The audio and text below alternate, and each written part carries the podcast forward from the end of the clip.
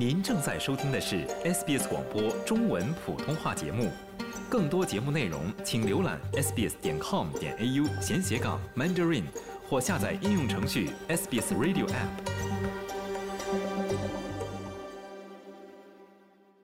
听众朋友，欢迎您收听 SBS 电台的中文普通话节目，我是林默。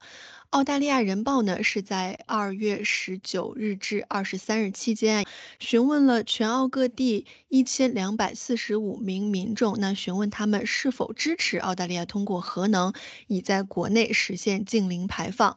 那调查显示啊，有百分之五十五的受访者是支持小型模块化核反应堆作为煤炭发电的替代技术，以取代燃煤发电厂。那同时呢，也有百分之三十一的受访者是表示反对。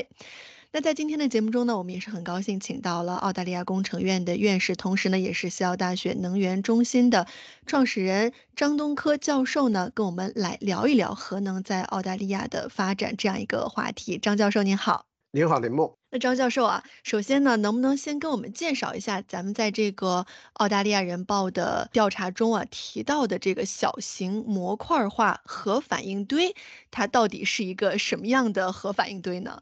小型模块化呃反应堆就是规模比较小的核反应堆，呃，也就是它的输出功率啊相对比较小。对核能发电用油作为燃料发电呢，只有大规模，一般来说，呃，一百万千瓦以上的这个机组，它才是呃效率比较高啊，因为呃。和电站的成本非常高，它主要不光是这个本身这个反应器整个系统，还要加上安全保障的这些基础设施，所以呢，呃，规模愈大，效率愈高，相对呃单位发电能力的这个成本就比较低，这是第一代、第二代、第三代的技术。因为太大的这个反应堆啊，一个 G 瓦的这个规模呢，需要的地方比较小，比较大的经济，像美国啊、中国啊、呃欧洲啊，它用这种大规模、大型的这个核反应堆啊做发电呢，是经济上和效率上都是有优势的。那么，怎样让这个核反应堆适应相对来说经济规模比较小？比方说澳大利亚，呃，澳大利亚最大的特征就是人口分散。没有一个地方适合特别大规模的，呃，一个 G 瓦或者两个 G 瓦这个规模的发电装置，呃，所以呢，发展小型这个模块化的反应堆是比较合适，对这种小规模的这个呃经济体系来说比较合适。所以这是呃过去这个十几年、二十年，呃，核反应。堆用于民用核能发电的呃一个呃发展趋势，嗯嗯，所以这就是呃澳大利亚人报这个 提到的这个小 SMR 这样的小型反应堆。嗯，SMR 也就是这个小型模块化核反应堆的一个这样一个英文缩写啊。那其实归根结底还是一个呃利用核能来发电，只不过可能是更适合我们澳大利亚的这样一种选择方式。那其实咱们澳大利亚也是在九八年的时候通过了澳洲辐射防护与核安全的这样一个法案啊，那也是明文禁止了新建或者是运营各项核能的设施，包括这个制造核燃料的工厂啊、核能发电厂啊等等啊。那这样一个。小型模块化的核反应堆在澳大利亚是不是有可能能够在未来啊运行起来呢？呃，从技术、从经济成本角度来说，呃，应该是可以的。不仅在这个呃，就是技术的成熟程度和这个呃经济成本的接受市场接受能力满足这样的条件。为什么现在我们在澳洲没有核能发电的这样的这个基础设施？您刚刚提到的这个澳洲这个九十年代末这个立法，某种程度上禁止在澳洲这个呃发展核能发电，呃，这个是当时冷战结束以后，世界还。呃，处于谈核事变的这个呃心理状态，民众啊，嗯，呃，这是一个。再一个呢，在九十年代，澳大利亚它有非常富有的煤炭和天然气资源，嗯，它的这个成本非常低，用煤炭和天然气，呃，相对来说发电的成本应该是非常低的。澳大利亚在九十年代是 OECD 呃国家电成本最低的国家。呃，但是呢，这个是说来已经是四分之一世纪以前的事情了。嗯，呃，这四分之一世纪里面，二十多年、三十年过去，这三十多年有很多全世界政治、经济、这个法规等等文化的变化。第一，核能技术成熟更安全；第二，大家都谈这个二氧化碳排放导致的呃气候变化和全球变暖。嗯，啊，那是另一个话题。所以呢，就是要减碳减排。碳减排就必然对呃天然气发电、对煤炭发电啊提出新的要求，就是说你的减排或者说就是限制你发展，所以这是呃在这种新的氛围下，让煤炭发电、天然气发电呃受到更多的呃环境和碳减排的压力，在这个形势下呢，你要把。二氧化碳排放这个成本加上去，这样就使得煤发电和天然气发电的成本就变得更高。假如我们通过碳税的形式，就会让煤炭以煤发电的这个成本，我前提是加上碳税啊，嗯，跟核能发电的成本相当。因此呢，咱们谈气候变化、二氧化碳减排要达到零排放。那么就必然要限制煤炭发电、天然气发电。那么现在最好的选择是核能。为什么核能？核能是建成了以后可以服务，一般来说五十年到七十五年这个时间。所以澳洲是具备资源、技术、经济、环境，现在再加上市场，在提倡近零排放，要达到零排放。那么，我做了四十年在能源领域方面的研究，做了四十年，呃，核反应堆、核能发电是最合适的、最经济，嗯，呃，最安全、最环保。但是我这个极力推崇这个核能，呃，并不是因为这个在要达到近零排放的这个这个前提下，呃，提倡的。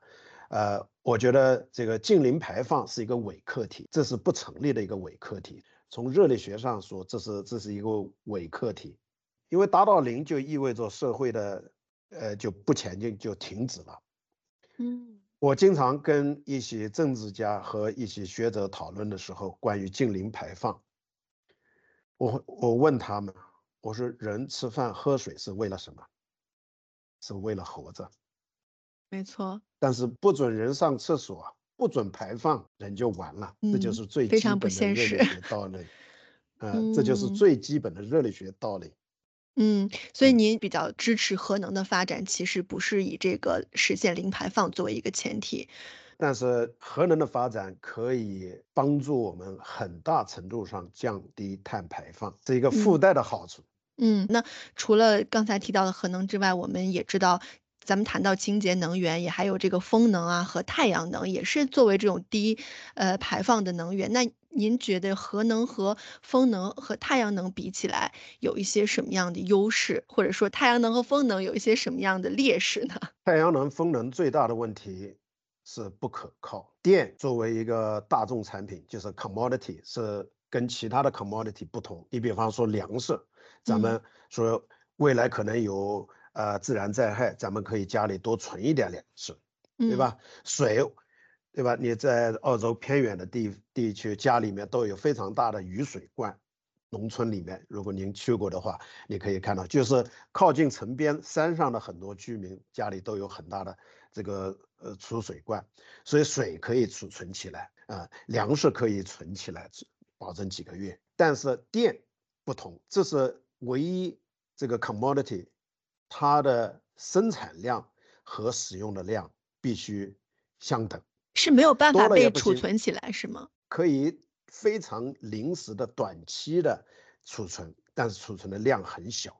储存就是电池，电池就是储电的这个一种方式。嗯，但电池非常昂贵、非常重，而且它的污染也非常，在制造过程当中，在寿命结束了以后，使用寿命完了以后，它的。作为废弃物的储存处理，也是对环境有非常大的危害。嗯，所以风能、太阳能它最大的问题就是第一不可靠，晚上没太阳，风大了、风小了，风车都不能发电。嗯，所以在过去的几个星期，我们在维多利亚，我在呃二十二号离开 Perth 到中国来开会的时候，在维多利亚还有几十万居民是的没有电，这是在一个这个生活水平非常高的国家，这是成为世界的笑料。为什么会出现这样的情况呢？就是在澳大利亚几届的联邦政府和很多的几届的州政府的指导下。我们建了太多的风能、太阳能，让我们整个电力基础设施不可靠。因为风能、太阳能它最大的问题就是不可靠，但是又没办法把它储存起来，又没有办法储存起来。你可以储存几分钟，最多几个小时，但那个成本是极其的昂贵。嗯，所以在这种形势下，呃，我觉得呃，澳洲更需要发展核能发电。嗯嗯嗯，那说到我们老百姓身上，大家可能比较关心的另外一个问题就是这个价钱的问题啊。那如果说，呃，以后用这个核能发电，在价钱上来说，是不是也会便宜一些呢？过去核能最大的挑战，特别是在澳大利亚，就是它相对煤发电、相对天然气发电，它是比较昂贵的。我在二十多年前我就做过非常仔细的这个核算，核能发电的成本。一度电大约在七分钱澳元，七分钱。呃，当时煤炭的发电呢只有两分钱，天然气的发电呢是五到七分钱，跟呃核能发电的成本差不多。所以核能的发电成本在二十年前跟天然气的发电已经是相当了。嗯，只是我们澳大利亚，特别在昆士兰，特别在新南威尔士，还有部分的维多利亚那个褐煤。发电是相当相当便宜，发电成本最低的是维多利亚的呃 La Chobe Valley 那个褐煤发电。嗯，那么如果我们把碳排放的成本加到发电这个成本里面去，核能发电是没有电成本的，天然气是有一点发电的成本。这个天然气发电加了碳排放的成本，就变成九分钱、十分钱一度电。煤炭的排放也就变成了七分钱、八分钱，就比核能发电就更贵了。核能发电，因为你加了碳成本以后，它不变的，它还是七分钱一度电。所以核能发电在碳排放、碳减排的大的政治背景下，它就变得更便宜。所以是呃非常有逻辑的选择。嗯，好的。我们今天也是非常感谢澳大利亚工程院的院士，同时也是西澳大学能源中心的创始人张东科教授，跟我们聊了很多核能在澳大利亚的发展这样一个话题。谢谢，谢谢李默，谢谢各位听众。喜欢、分享、评论，欢迎您在 Facebook 上关注 SBS 普通话页面。